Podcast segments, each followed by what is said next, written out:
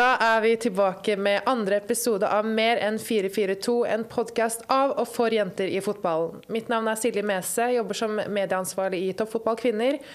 Og med meg i dag så har jeg ikke Guro Bergsvann og Cecilie Fiskerstrand, for de er på landslagssamling. Men jeg synes at vi har fått inn noen ganske gode erstattere her, må jeg si. Vi har nemlig med oss fotballpresident Lise Klavenes og daglig leder i Toppfotball kvinner Hege Jørgensen. Velkommen. Tusen takk. Takk for at jeg fikk lov å komme. Jo, det er jo rett fra en ganske hektisk, eh, hektisk uke for deg. Komme inn og roe deg litt i, i ja, podcaststudioet her. Ja, det er deilig når jeg ser at vi har Hege på seg knall grønn bukse, jeg har knall rød bukse. Da vet du at du kom tilbake til Norge, da. Om ikke annet. Det er nesten regnbueflagget, dette her. litt, uh, litt girl power. Du har ikke gjort din del av jobben. Nei, fader heller. Jeg mista den memoen. Next time, next time. Men uh, først og fremst, gratulerer. Nå har du uh, runda en måned ca. som uh, Norges første kvinnelige fotballpresident. Hvordan, uh, hvordan har det vært? Det har vært en veldig innholdsrik måned. Det var jo òg måneden i forkant, som jeg vet alt om. Så det er jo innholdsrikt å jobbe i fotballen. Men det har allikevel selvfølgelig toppet seg litt siste måned ved at ved at eh, vi var i Qatar, og at vi på en eller annen måte fikk anledning til å adressere et tema som har vært veldig viktig og fremtredende i norsk fotball i lang tid. Men eh, det har vært mange andre saker òg vi har vært opptatt av i forbundsstyret i Norges Fotballforbund, og ikke minst for min egen del å forstå rollen og så er det sikkert mange som mener at jeg har en vei å gå der fortsatt. Jeg, jeg, har jo kommet fra administrasjonen og vært vant til å jobbe tett med folk og tett med administrasjonen og tett med administrative saker. Men jeg prøver å ta til meg eh, læring og, og finne rollen. Eh, og jobbe på et så overordnet nivå som vi skal og bør i forbundsstyret. Eh, jeg er opptatt av fotball, jeg er opptatt av fag, opptatt av at det skal være fotball er fotball, liksom. Eh, samtidig så vet jo både Hege og jeg at eh, denne politikken kommer ikke av seg sjøl. Så jeg velger jo å stille opp på nesten alle ting som har med, med likestilling å gjøre likevel. Selv om, selv om, jeg mener at jeg, skal, jeg er jo like mye fotballpresident for, for guttene og for mennene. Eh, så vil jo det alltid ligge hjertet nært og, og, og hva skal jeg si ikke trekke stigen opp etter meg. Altså at, at, man står på skuldrene til en hel gjeng, blitt heiet fram eh, på vegne av jenter og kvinner, ikke minst av TFK sjøl eh, og Hege, som, som eh, Ja, vi, vi, brenner for fotball, men vi brenner òg for likestilling. Eh, det har en veldig stor egenverdi, så det prøver jeg bevisst på. Hadde du en sånn leder liksom spira i deg noen drømmer rundt hva du kunne være med å påvirke? Altså, jeg har alltid eh, tenkt at eh, det er viktig å være aktiv og ikke likegyldig, og være, liksom, komme med ting til bordet. Men jeg har nok uh, tenkt at det skulle være i domstolen og som advokat. Så, så, sjøl har jeg liksom hatt et skille, i hvert fall i de barneårene, ungdomsårene og tidlig voksen alder, at at eh, jeg skulle prøve å være en som problematiserte, skrive kronikker, være aktiv. Men så var yrkeslivet mitt et annet sted å jobbe for enda svakere eh, kriminelle og eh, folk som faller utenfor samfunnet. Så jeg har faktisk aldri hatt noen tanker om at jeg skulle ende opp i, som fotballeder, faktisk. Mm. Men når jeg først er der, så, så syns jeg jo det er en rød tråd til, til, de tankene rundt både rettssikkerhet og like muligheter. Og ja, rundt det som gjorde at jeg valgte å bli advokat, da, som jeg alltid ville bli. Dommer og advokat. Det var jo fra jeg var helt liten. Jeg alltid ville bli. Eh, og jeg syns jo at det er de samme kreftene som, som står, spiller i meg rundt disse tingene, da. Mm. Faktisk. Men det er nok litt sånn etterpåklokskap. Jeg har nok alltid tenkt at, at jeg var litt for at jeg ikke passet helt som fotballeder. Jeg vet ikke helt hvorfor, men kanskje ja, ja at, at, jeg, ikke, jeg, ikke hadde, jeg ikke, er politiker. Jeg har vært, mer, jeg har vært mer den advokattypen på en måte som, som eh, vil at saken skal avgjøres et sted. Du kommer med argumentene, og så fattes det en avgjørelse. Så respekterer vi det og går videre osv. Mens i fotball er det jo mer et evigvarende som du vet. Kaos av problemstillinger som vi tar om og om igjen. Neida, men, eh, nei da. jeg hadde nok ikke de ambisjonene, men jeg eh, er veldig stolt av å, å få lov å representere eh, sammen med, med, de Guro og Cecilie som jeg hørte på forrige podkast, og alle de utøverne våre som, som har så bevisst forhold til, egentlig integrert forhold til politikk. da på en god måte, eh, som du hører alt de sier. Eh, og som vi kanskje nå begynner å få mer anerkjennelse for der ute enn når vi spilte. Mm. Da var det mer en ren kamp, føler jeg. da. Mm. Eh, nå syns jeg at det kanskje blir mer anerkjent. Det slår litt mer an i mediene osv. De som kommer etter oss. Og det er fortjent og, og utrolig ja, tilfredsstillende å merke. Mm. Men bare litt uh, nysgjerrig, for på et eller annet tidspunkt så bestemte du deg jo for å bli fotballeder. Så synes jeg det er interessant det du sier om at jeg var usikker på om jeg passa til det. Jeg trodde ikke jeg passa til det. Um, og det tenker jeg at det er veldig mange av kvinner som mm. føler, fordi at man ha, handler det om, om kulturen, liksom. Det er et veldig godt spørsmål, det der. fordi eh, det, det, er jo sånn eh, alle føler at de gjør individuelle avveininger. Sant? Og så ender de på utsiden av fotball. Kvinner gjør jo stort sett det. Og jeg føler jo at jeg gjorde min helt unike individuelle eh, vurdering. Men, men, men, jeg endte jo i fotball, men, men ved tilfeldighet og fordi jeg ble spurt om det. Jeg hadde jo aldri valgt det sjøl. Så jeg tror det er det riktige spørsmålet du stiller der. Og at vi som ledere nå må være litt bevisst på at Eh, at det er mekanismer og strukturer i fotball som gjør at det er lett for Kristine eh, eh Lindblom eller du vet tidligere spillere å ikke velge åpenbare kandidater for å være gode trenere og ledere, som ikke har valgt å på hvert fall komme inn i toppledelse, da, topptreneryrket. Og de må vi få fatt på. Og jeg tror det er også utrolig viktig fremover at ikke vi blir sittende liksom sånn ja, Hvorfor ikke det er flere ledere? Hva skal dere i NFF gjøre? Eller hva skal dere i TFK gjøre? Men at vi går inn med reell nysgjerrighet. Og, og, for Vi må stille oss hva vi skal gjøre, for all del. Men, men den polariserte, politisk korrekte diskusjonen det er ikke den som løser det. Når toppserieklubben nå skal rekruttere trenere, har de kvinner på listen i det hele tatt? Hva kan vi gjøre for at de skal ha kvinner på den listen, og ikke minst ser etter sine egne rekker? Eh, at de som nå går ut, eh, eh, får incitamenter til, til, å ta disse retningene. For før vi klarer å få det til for mange flere enn både Hege og meg, så får vi ikke drømmene til å leve skikkelig. Hva var det som fikk deg til å tenke at nå skal jeg ta denne rollen? Nei, Det er òg eh, litt vanskelig faktisk å vite. Men, eh, men eh, valgkomiteen spurte meg jo først om jeg ville stille som kandidat, og da var det helt uaktuelt. Altså Da, da sa, sa, jeg nei. Og snakket ikke noe mer med noen om at jeg hadde blitt spurt engang, så jeg tenkte på det var uaktuelt. Og, Hvorfor det? Nei, det, det, det, var nok at jeg jobbet der jeg jobbet, og, og toppfotballsjefrollen følte jeg passet meg veldig godt og trivdes godt med den. Tett på spillet, tett på sporten. Og, og allikevel masse, masse viktige politiske prosesser du indirekte blir en del av. Så jeg hadde liksom ikke noe sånn sult etter å eh, komme mer inn i politikk og mindre i spillet, på en måte. Eh, så det var kanskje det ene. Jeg prøvde å analysere om jeg hadde en sånn politikerforakt inni meg. For jeg var så redd for at får man gjort noe da, liksom? Eller går man og snakker om ting? Eh, så, så når jeg ble spurt igjen og hadde flere samtaler med valgkomiteen, så kom jeg til slutt fram til at eh, alle endringer som har skjedd i, i, i vår tid, har jo vært politiske prosesser. Og det har jo vært utrolig viktig at det har stått noen selvfølgelig i sporten, men òg at det har vært politiske krefter i Norge, Per Ravn Omdal osv., som har dratt i de retningene. Eh, ikke bare med likestilling, men, men med alt som uh, fotballs egen posisjon, fotballs egenverdi. Eh, og fotballs plass i det norske samfunnet og det internasjonale samfunnet. Og til slutt så klarte jeg ikke å si nei. Og alt dette gikk jo fort. Sant? Det var jo uh, bare på en måned. Jeg ble spurt seint. Eh, og på en måned så så sa jeg ja. Og nå tenker jeg at uh, det er ikke noe jeg heller vil, liksom. Og dette, noe, dette skal, og dette brenner jeg for, og kanskje skjønne hvorfor jeg sa nei. Liksom. Sånn er jeg litt da, da. At det Ja.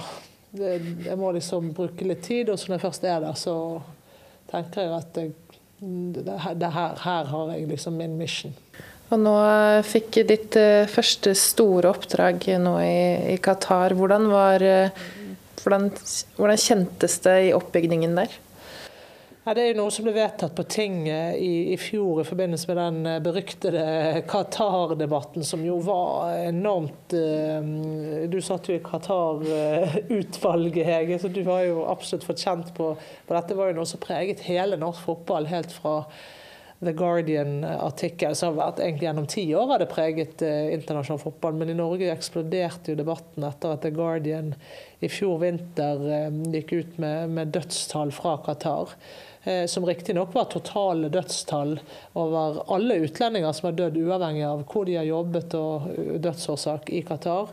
Men, men det ble liksom en sånn hardtslående artikkel som, som virkelig satte det på kartet i Norge. Eh, og resultatet av det ble jo som kjent at, eh, at det ble en avstemning på vårt ting i juni i fjor, der, der medlemmene våre besluttet at vi ikke skulle boikotte, men, men mange andre tiltak skulle følges opp, av, anbefalt av den komiteen som Hege og Sven Mollekleiv ledet, eh, Qatar-utvalget.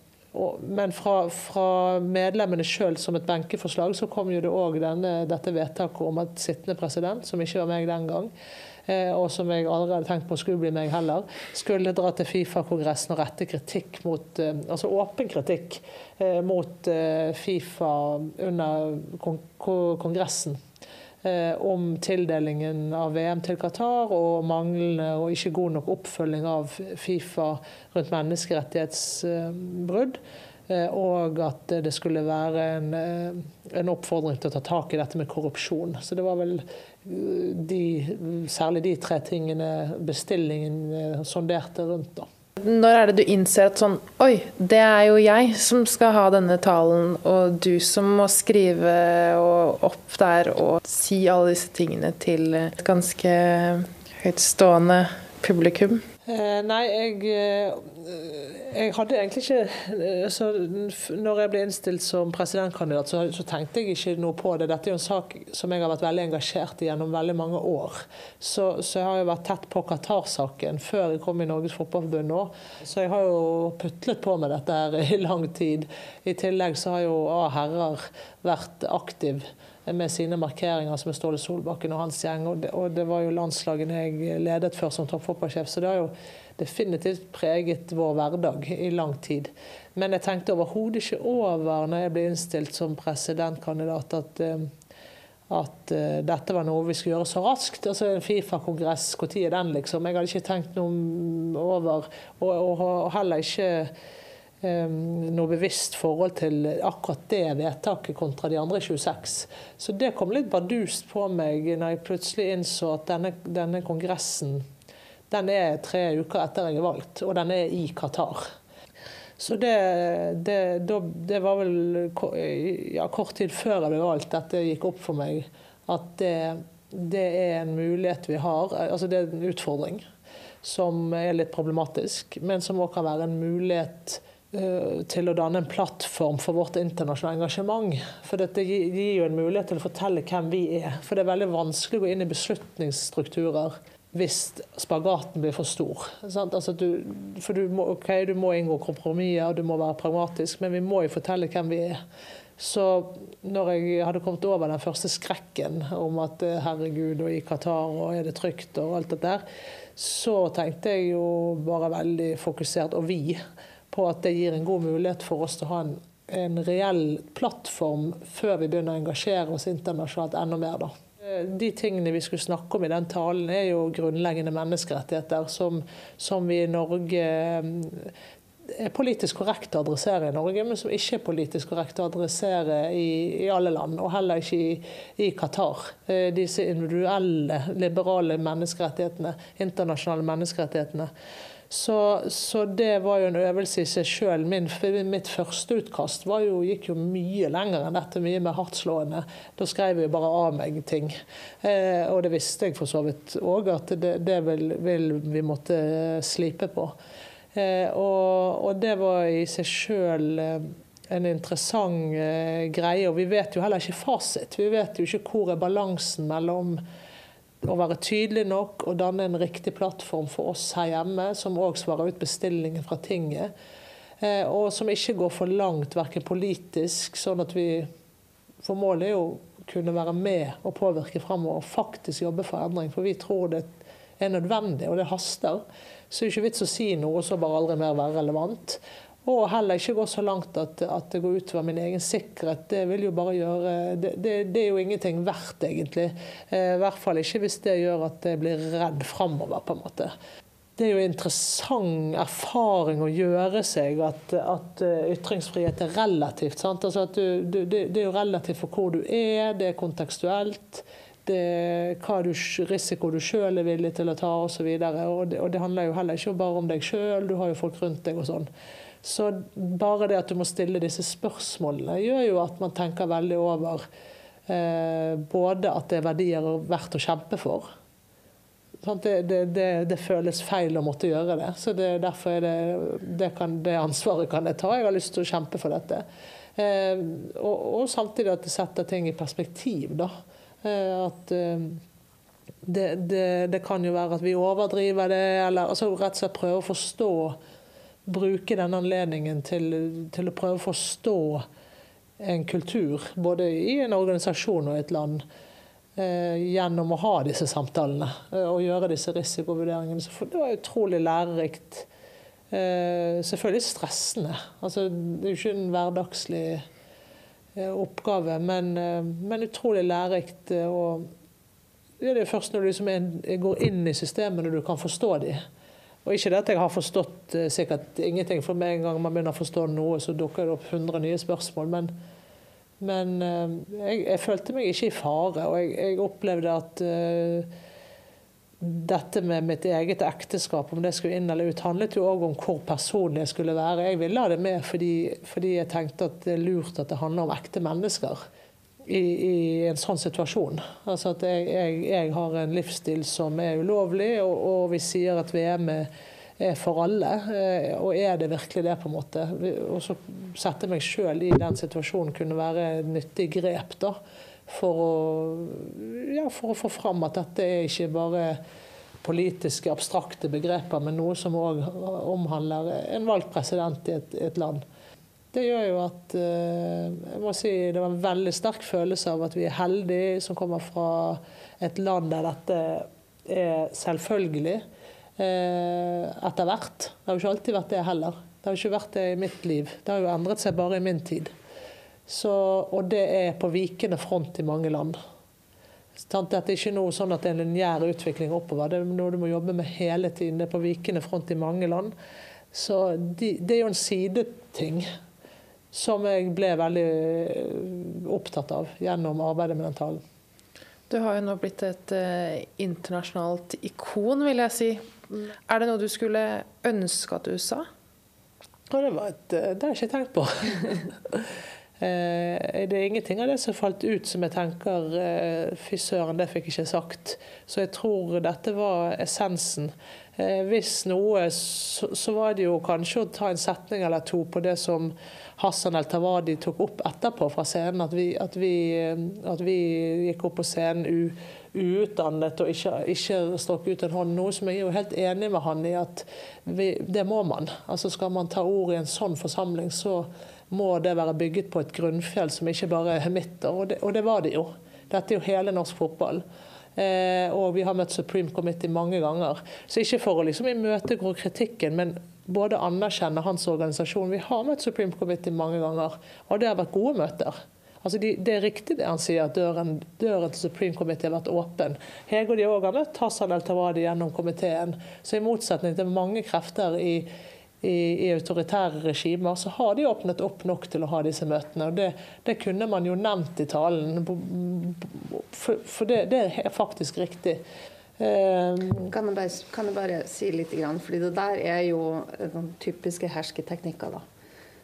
Med at de prøver å, å marginalisere deg og, og, budskapet ditt gjennom en sånn slags um, pekefinger og litt latterliggjøring. Um, det er jo, er jo, det som jeg vil si er, er litt av problemet i en sånn type kultur. Sant? At du nettopp frykten for å oppleve, eh, oppleve det, gjør jo at mange ikke tør å si ifra. Mm.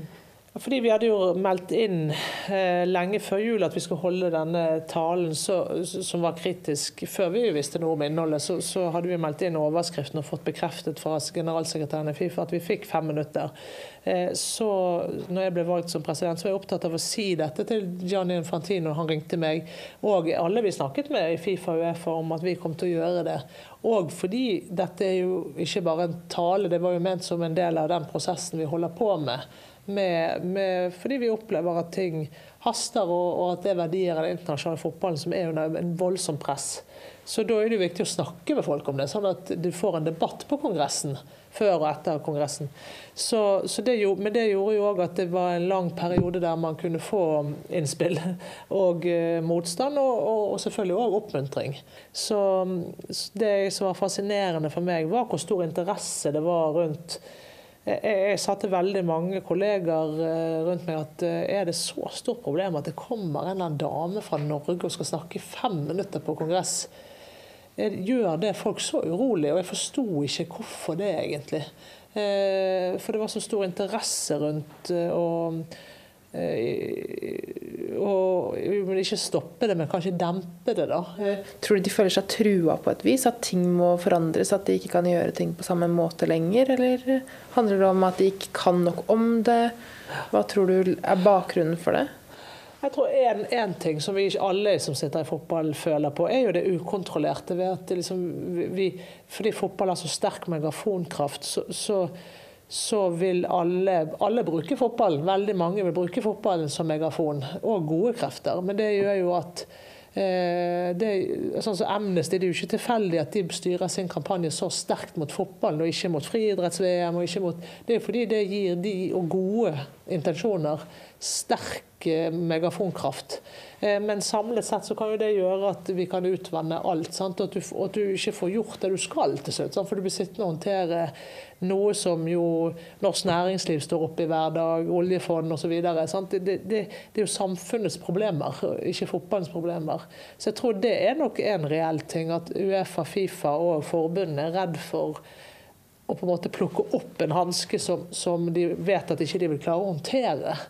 Jeg har flere perspektiver inn i det. Det ene er jo at dette mesterskapet Altså Når man begynner å gjøre feile vurderinger og ikke ha det etiske grunnlaget i, i, i, bunnen for avgjørelser, så får man jo disse problemene. Og det har vi fått med Qatar-VM. Altså Der har jo det skjedd en enorm feil som gjør at vi må rett og slett tåle noe. Eh, det, det, vi må sørge for at dette ikke skjer igjen. Og da er det ubehagelig, da. Det er ubehagelig for alle oss som skal stå og svare ut når det blir krig i Ukraina, så ringer de fotballedere i Norge, liksom, fordi vi blir assosiert med Putin. Så det er jo noe som går ut over oss alle. Det er jo et etisk grunnlag som vi er nødt til å finjustere, eller grovjustere eventuelt. Så, men jeg tror det er én ting. At, at, man er redd for at fotball skal at, at det skal bli utvannet, og at, at, du tar ansvar du ikke har. Og så tror jeg det selvfølgelig er politisk dette er jo noe jeg har lært bare de siste ukene. Jeg tror det er òg personlige agendaer. At, at, det er så sterke mm, personlige relasjoner som styrer posisjonene, at man begynner å styre etter det. da. Du må passe deg for det, og du må snakke med den først, og du må ditt og datt. Og Men fortell litt om hvorfor tror du det er så få stemmer? Hvorfor er det så få stemmer som din? Nei, de, de, jeg tror at de fins, eh, og at de på en eller annen måte har blitt dysset ned. Eh, og så er det jo mange som tar til orde òg, men, men, jeg syns det er rart. Jeg, jeg, jeg syns det er rart at eh, sånn som den tildelingen her som, Saken handler jo ikke bare om Qatar-VM, men, men det, det, skjedde en tildeling der det går altfor langt. Sant? Det er et land som ikke har infrastruktur til å holde dette mesterskapet. Det, det er bare ørken der. Altså, Alle praktiske grunner tilsier at dette er ikke greit, og politiske grunner. Så kunne jo det kommet dit at det kunne vært greit, fordi du ønsker å spre fotball til Midtøsten. Men vi kan ikke backtracke et sånt moralsk ansvar. Nå er det liksom, Vil ikke dere spre fotball til Midtøsten, og så skal vi sitte liksom og nærmest eh, blir tatt på for å være fordomsfulle mot Midtøsten hvis man ikke er for Qatar-VM. Noe som selvfølgelig blir motsatt, for det, tildelingen skjedde jo i et etisk vakuum. Det, det, det, vet alle når du går tilbake og ser hvordan det var når det faktisk skjedde. Og da har jo ting gått altfor langt. For dette er jo liksom toppen av en pyramide vi alle er en del av. Og hvorfor stemmene har vært eh, de har jo vært der, men hvorfor de har vært så få i etterkant, det er for meg et mysterium, faktisk. Og det, det må jeg bare finne ut av etter hvert. For jeg tenker jo at det er vanskelig å få alle disse dilemmaene i fanget. Men jeg mener at vi som ledere må ta ansvar for å formidle at fordi om man mener dette, så betyr det ikke at vi på sparket kan sitte og løse Israel. Og, altså vi, vi, vi, men vi må tåle å få de spørsmålene, så må vi avvise de, for det, det, det, må man rett og slett ha prosesser på. Det, det er ikke dermed sagt at når, når, man hever stemmen sin i disse sakene og kjemper for at tribunene ikke skal bli tomme. For det mener jeg er en realitet. Eh, så betyr det ikke at man ikke kommer til å gjøre feil, eller at det blir vanskelig framover. Det blir veldig vanskelig. Men jeg tror vi må nødt til å komme oss vekk fra den propagandaskålen over i en dynamisk det, det, vil ikke bli perfekt. Nå skal det være en global bevegelse, så blir det en avveining. Det er klart det skal få arrangeres mesterskap andre steder enn i Vesten. Og, og at, det, at, det, blir komplekst. Men før vi får denne vitale debatten rundt det, så tror jeg da vil korrupsjonen styre. da. Altså, da, da, er ikke det som styrer. Liksom, du, du, ender liksom i Og jeg mener Fifa har gjort masse bra med sine regler og sin governance-struktur rundt disse tingene. Men allikevel så har jo stemmen vært brukt i ettertid på å fortelle bare hvor bra endringene har vært. Fordi man er så redd for å fornærme, redd for Men de endringene hadde ikke skjedd uten press. Mm. Balanse er selvfølgelig svaret. Det er klart man skal ha når det først vi er i den situasjonen, så er det jo bedre at det skjer endring enn at det ikke skjer endring. Og det er jo åpenbart. Vi må jo, vi må jo sørge for at fotballens arv etter dette mesterskapet blir så bra som den kan bli. For å få på plass et migrantsenter, prøve å få plass regelverk rundt LHBTQ som går an å leve med under mesterskapet. Altså alt dette er jo utrolig viktig. Eh, sikre kompensasjon for de eh, familiene som, som, har mistet noen. Og ikke minst eh, sørge for fri presseregler som, som er bedre enn i dag. Alle disse tingene her endrer jo ikke, redder jo ikke verden, men, men, de er vi forpliktet til å jobbe med fram mot mesterskapet. Og det, det kommer ikke på plass uten press. Det vet vi egentlig.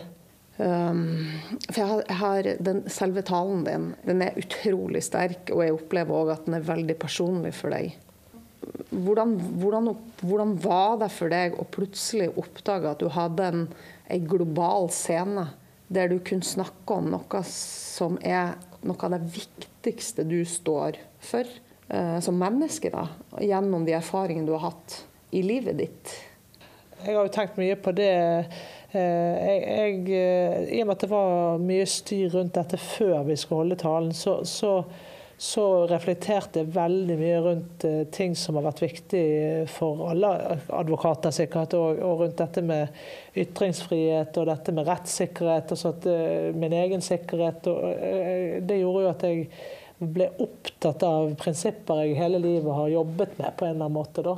Jeg, jeg, fordømmer ingen land. Jeg mener det er viktig vi ikke er utenriksministre der ute, og Norge har sine problemer. Men samtidig er det et land der, der eh, de lokale kvinnene ser du ikke. Når vi skal gå inn på Fifa-trekningen, så var det jo mange barn som sto og holdt flaggene sant, når vi gikk inn. Og det er jo superfint og flott, men det er jo bare gutter utelukkende gutter. Eh, og for oss så eh, det skjærer i mine øyne med en gang. Altså Du skal ha masse barn, som bare gutter. Eh, så for meg er jo ikke det fotball. Altså det, men for de er det det. Og jeg har respekt for at det er ulike utvikling i ulike land. Men det gjør jo at det blir veldig sterkt. Og at, og at, det, at man lovmessig Da møtes jo ganske mange ting i meg. Altså rundt både det, det juridiske, altså rettssikkerhet, likhet for, likhet for, loven både for kvinner og menn, jenter og gutter, og, og lesbiske og heterofile. Og, og, at denne idretten her, den er vår. Den, den, den, det er ikke bare gutter som skal stå der. De måtte jo lagt seg i selen og funnet noen jenter. da i så fall. Så alle disse tingene møtes jo og blir selvfølgelig en sterk cocktail. Som blir personlig, men på vegne av veldig mange. Jeg føler all, veldig sterkt at dette er noe vi gjør sammen. da. Så det følte jeg hele veien. Eh, men jeg var ikke noe bevisst på dette med den globale scenen. Jeg, jeg, jeg var nok litt mer internt i organisasjonen. Eh, og at dette er veldig viktig for Norges fotballforbund, altså Norge i Fifa og Uefa, å vise hvem vi er. Eh, så får vi heller bli beskyldt for at vi er dobbeltmoralsk og rikt land. Og, det, og det er jo riktig. Alt dette må vi ha i bakhodet. at at vi, vi, vi har våre dilemmaer å styre med. Men vi må likevel tørre å ta den sterke posisjonen internt for å kunne stille til valg i ulike komiteer fremover. Så, så, etter talen er ferdig, og når jeg holder den talen, så, så, er jeg bare veldig i det. Dette føles veldig viktig. Det som nærmest koste hva det koste vil å få, få sagt i, i, denne forsamlingen. At sånn, sånn går det òg an å se på ting. Selv om det er 99% menn i denne salen, så er det allikevel ikke mennene som som styrer denne idretten. Det gjør vi sammen osv. Så, videre. så det blir veldig sterke greier for, for, meg å få sagt og mene. Vi er jo en del av det. Men etterpå så går det opp for meg at dette er noe som, eh, som brer om seg utenfor selve organisasjonen. Eh, og så, som jeg ikke nødvendigvis var så opp... Jeg har jo aldri sett Fifa-kongress før. Jeg har jo ikke tenkt at det er noe veldig mange følger med på, faktisk. Så så det blir jo òg en, en, sterk opplevelse av at uh, fotball har en enorm kraft uh, for andre ting enn bare spillet. Så at du får denne synergien.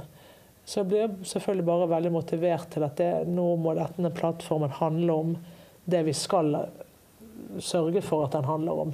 Konkrete ting i Qatar osv. Så, videre. så jeg vet at uh, at um, jeg kommer dit hele tiden. Men, men, det er jo fordi jeg, jeg tenker at uh, dette har Norges fotballbevegelse nedenifra skapt. Og da er det utrolig viktig at ikke det stopper med, med, med den talen. Altså at, at, vi nå, at, vi nå, operasjonaliserer denne plattformen inn i ulike Selvfølgelig Qatar, altså Migrantsenter jobber knallhardt for de konkrete endringene. Men ikke minst likestilling, som jo ligger under alt her. Nå har vi en tydelig plattform, og hvis det gjør at den blir så tydelig at ikke man kunne brukes, så får noen andre trå til når jeg har løpt ferdig. Da. Men det blir jo en litt smertefull overgang eh, ved at, ved at eh, ja, at jeg har tatt ordet veldig tidlig i egen politiske karriere osv. Personlig må jeg si at jeg har et ekstremt avslappet forhold til akkurat den delen. For jeg tenker at det hadde vært umulig det motsatte. Eh, men, eh, men eh, det hva, er, hva er det du frykter mest nå, da? Nei, hva det som vil hindre denne utviklinga, tenker du nå? Jeg, jeg, tror jo det er helt nødvendig med endring. Så jeg er jo liksom besatt på at nå må vi jobbe konkret mot det migrantsenter, altså noe helt konkret med Qatar, og som er litt symbolsk for det vi får til der etterpå som er viktig for fotballen internasjonalt, og dermed oss. Så jeg er bare redd for at eh, vi ikke får det til. Fordi, fordi noen ganger tenker jeg at vi fikk en sterkere posisjon, noen ganger tenker jeg at vi får svakere. Sånn fungerer min, eh, mine avveininger hele tiden. da. Så jeg skal møte tysk eh, TV etterpå. Store internasjonale kanaler. Og da prøver jeg å finne en balanse som gjør at vi får alliert oss skikkelig med Tyskland, f.eks. Som er en stor kraft òg for kvinnefotballen. Har vært der lenge og kan ta skikkelige steg. Eh, og som kan hjelpe toppserien til å ta skikkelige steg. Men hvis vi går for langt, sånn at presidenten der blir utrygg osv., for utrygg, så, og han er bra. Han er helt ny. Og, og han Bernt som er han, der, der, er det håp. Virkelig håp. Så, så, så, jeg er bare redd for å bli så ivrig i tjenesten da, at, at man mister den eh, forankringen som er nødvendig for å eh, få til endring. Som jeg tror er helt nødvendig. Jeg bekymrer meg jo veldig når du ser det med med Russland. Eh, som ikke, Det er jo ikke fotballens feil at det er krig, absolutt ikke. Men, men, det er jo noe fundamentalt galt når man gjør så mange strukturendringer som vi har gjort i fotballen internasjonalt, og så ender man opp i en situasjon der, der fotball er så tett på eh, en leder som òg eh, hadde invadert Krim-halvøya eh, når vi hadde 2018-VM. Og, og, og dette er komplekse ting å snakke om, men vi må ha så armlengdes avstand og sånne etiske reflekser internasjonalt som gjør at eh, det er balansert, i hvert fall. For statsledere må vi ha med å gjøre. Jeg tror det er bra vi har med alle å gjøre.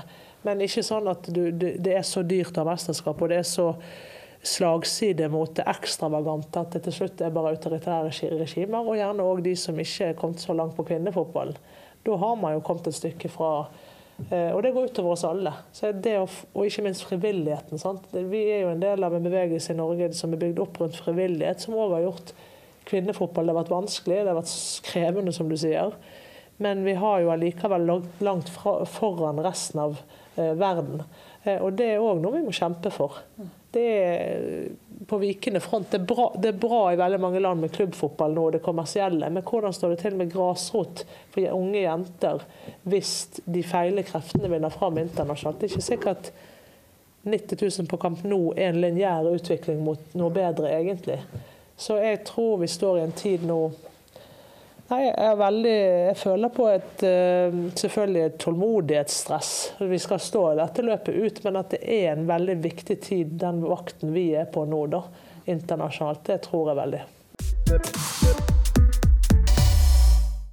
Tror du, tror du en mann kunne holdt den samme talen som det du gjorde, med sånn, sånn kraft? Nei, jeg, altså, De kunne jo holdt en kraftfull tale, selvfølgelig, men ikke om, selvfølgelig ikke om, om uh, disse temaene. De er jo selvopplevde på vegne av mange. Altså, de er jo opplevd sammen med veldig mange.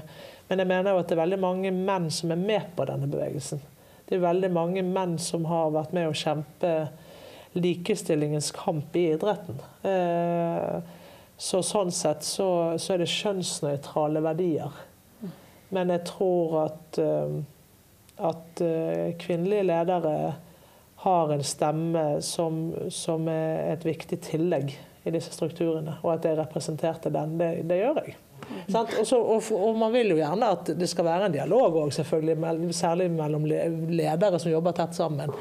Men, men, å ikke klare å få til den dynamikken med indre og ytre press, det må enhver en folkebevegelse få til. Vi, vi, vi, må få det til, og, og, og, håper vi kan bli bedre og bedre på det. Og Fifa må bli bedre på det. Eh, for ellers så blir vi dinosaurer sånn, som sitter med propaganda. Og da er man ikke Da står man i fare for å få tomme tribuner, da. Um, og det er ikke veldig mange år vi skal gå tilbake der det nesten ikke var en eneste leder i Norges Fotballforbund som var kvinne, som hadde et mandat, for å si det sånn. Som, som satt i ledergruppa og, og, var, og var, leder. Nå er, det, nå er det i hvert fall noen flere. Men hva tenker du om uh, nettopp verdien av og viktigheten av å, å, få flere kvinner inn som ledere i, i norsk fotball, og kanskje også tidligere spillere, med, med sin erfaring, sin bagasje, sin historie? Jeg mener at det, det, det er avgjørende òg for at vi skal få videreført disse verdiene ut i Europa. For det pågår en kamp. og Som jeg sa i sted med disse med homorettigheter f.eks. som er på vikende front. Det, dette er jo en dynamikk som foregår der ute, og ingenting er rett eller galt. Vi tror jo at noe er rett. og jeg dør ved den troen, men, men, det er jo noe vi må kjempe for. Og disse verdiene vi tror på, og som har gjort at jeg nå eh, sitter som leder, og at du sitter og leder en sterk eh, TFK-organisasjon, er jo verdier vi virkelig tror på. Eh, som vi syns vi må bale med nok her i Norge, men som der ute der er ikke det engang jenter med. De står ikke der når du skal ha flagg. Ennå du vet hva som står på spill, hva de blir kritisert for, så er det bare gutter som står. Sant? Så langt fram er det. Eh, så, så, for at disse verdiene virkelig skal altså Vi må jo walk the talk, hvis ikke så er det jo bare tomme verdier. Så jeg mener det er helt avgjørende at vi i nærmeste fem Eh, tre, fem, ti årene eh, jobber systematisk med dette sammen. Eh, for de lederne må jo faktisk komme. Det, det, det, er noe, det, er noe, feil med hvis vi ender nå med hvorfor er det ingen trener i toppserien. Hvorfor Nei, Vi må rett og slett komme dit at det er en organisk eh, ting som skjer når, når Vålerenga skal ha en ny trener. Da. Hvor mange kvinner hadde de på listen? Ikke sånn shame. Altså ikke sånn, Hvorfor hadde ikke du kvinner? Men helt, helt bokstavelig. Vi må rett og slett få disse kvinnene i posisjon. For det, for det første så vil de gjøre en jækla god jobb. Ikke nødvendigvis den kvinnen bedre enn den mannen på et mikronivå, men som fotballbevegelse, det, det er det ingen tvil om. Det hadde vært mindre krig hvis det, kvinner satt mer i posisjon. Det, det, tror jeg vi alle vet, at, at kvinner kommer òg med, med, med, noe som ikke menn har, og vice versa, selvfølgelig. Men òg kvinner i herrefotballen jeg, jeg, eh, jeg, tror det er avgjørende at vi, vi, tar de stegene, og at vi i Norge, Norden, eh, tar et ansvar for å, å, være i front der. Enda mer enn vi gjør i dag. Definitivt. Og vi har jo vi har ikke hatt sånn kjempemange å sette opp til, Lise. Eh, som jeg tror òg er en del av, av problematikken. Da. Vi hadde Karen Espelund som var en ekstremt markant kvinnelig leder i, i mm. fotballen. Både internasjonalt og, nasjonalt, men utover det så har vi, har vi jo ikke hatt veldig mange, eh, mange forbilder. Og jeg tenker jo òg at du undervurderer din egen rolle litt, Lise, fordi, eh, fordi at eh, det at du eh, nå etter hvert valgte å si ja til å bli president, har så uh, mye større kraft, er så mye viktigere tror jeg, enn du klarer å ta inn over deg.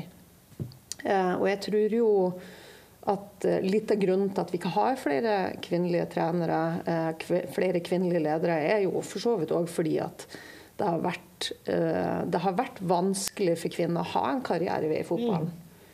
Både fordi at man ikke har sluppet til, men òg fordi at det ikke har vært hva hva jeg skal si, økonomi i de vanlige kvinnelige linjene. Da, det er ikke overskudd, sant? Nei, nettopp. Som har gjort at, at eh, ja, vi har jobba litt på frivillig basis her og der, men det har ikke vært en, ikke vært, uh, en, en tydelig karrierevei for oss. Uh, og Derfor så er det jo så viktig å vise alle jenter i Norge at det er mulig å bli både fotballtrener, fotballeder. Eh, både i herreklubber, kvinneklubber, forbund, interesseorganisasjon.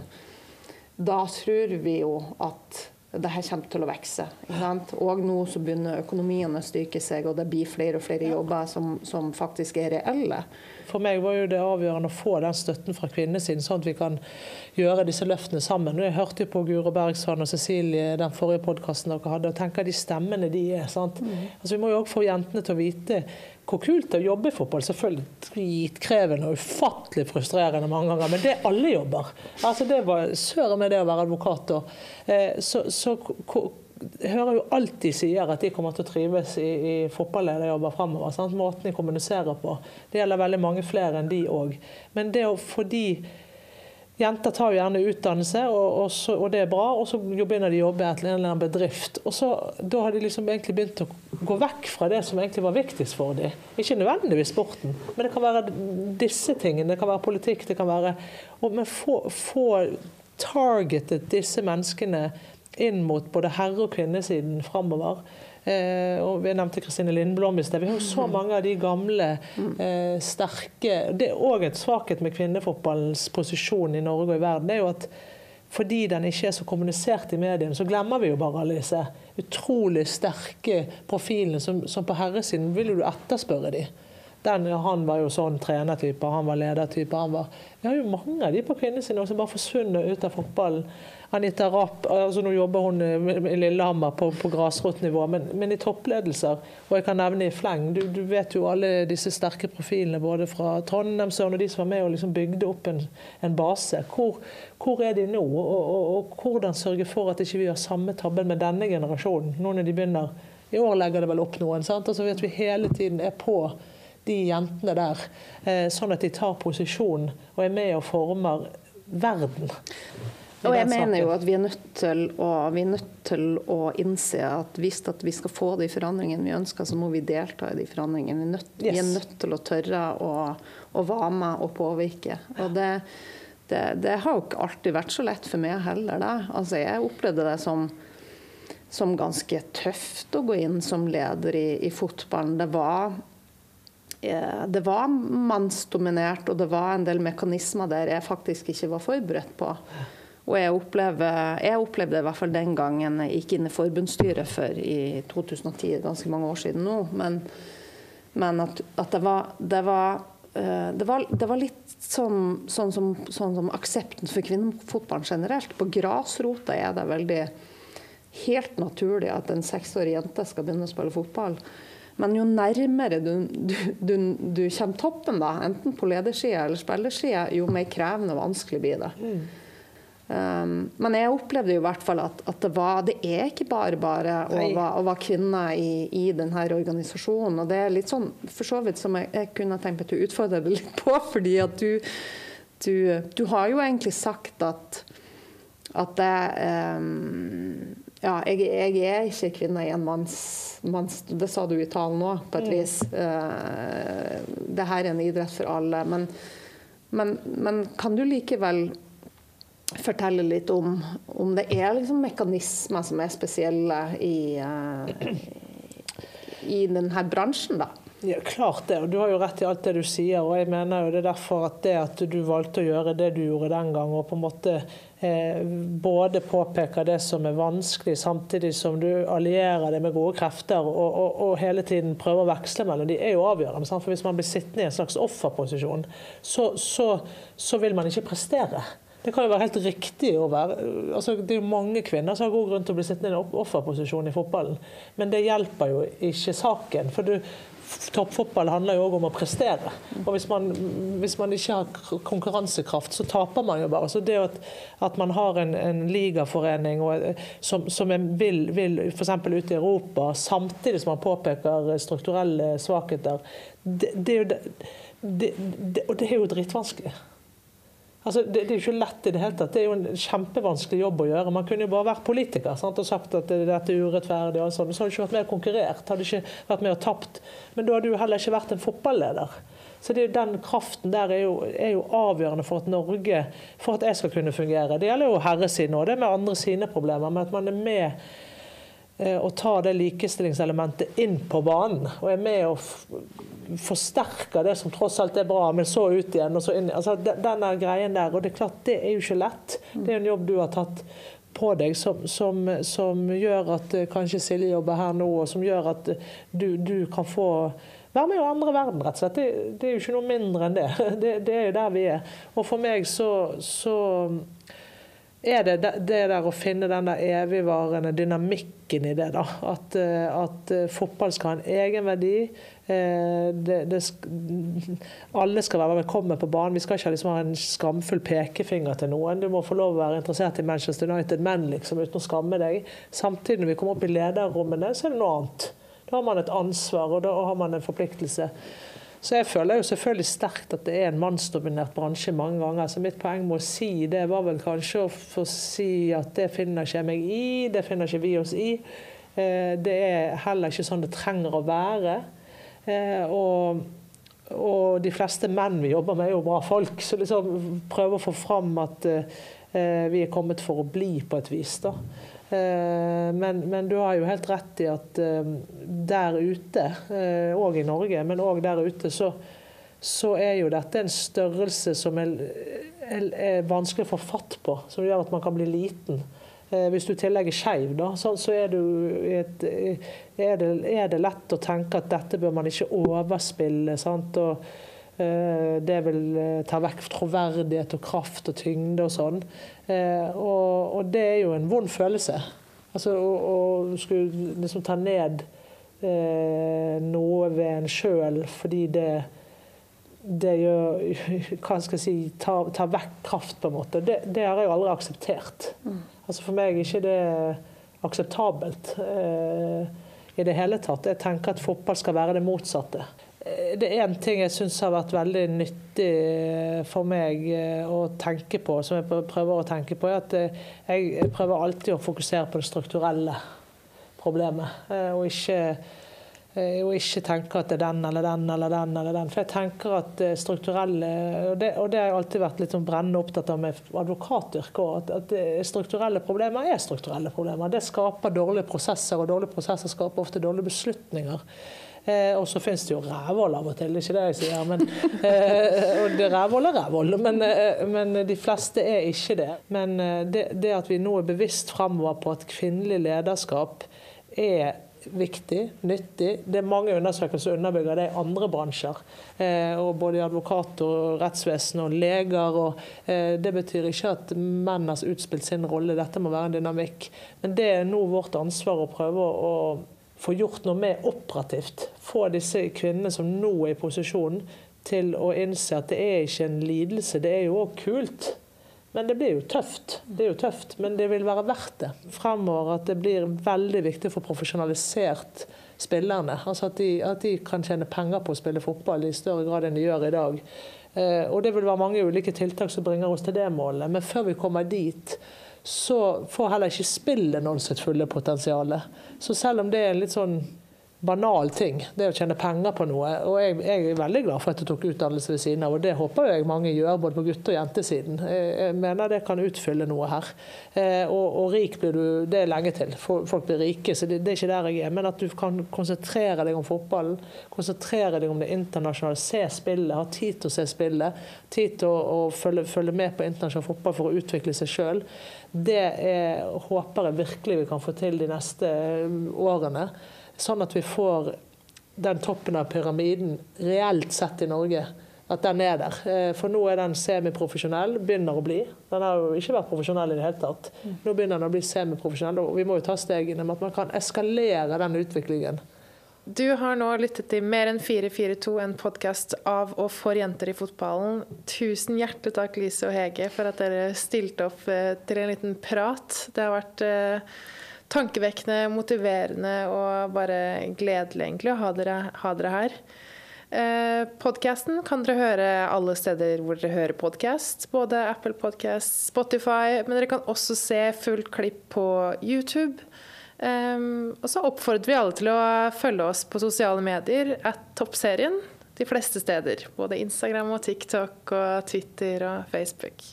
Så høres vi. Og sist, men ikke minst, tusen takk til Obos ehm, og Fotball-TV for både studio og tekniker. Uten dere så hadde ikke det her vært eh, gjennomførtbart, så det er vi veldig takknemlige for. Vi høres.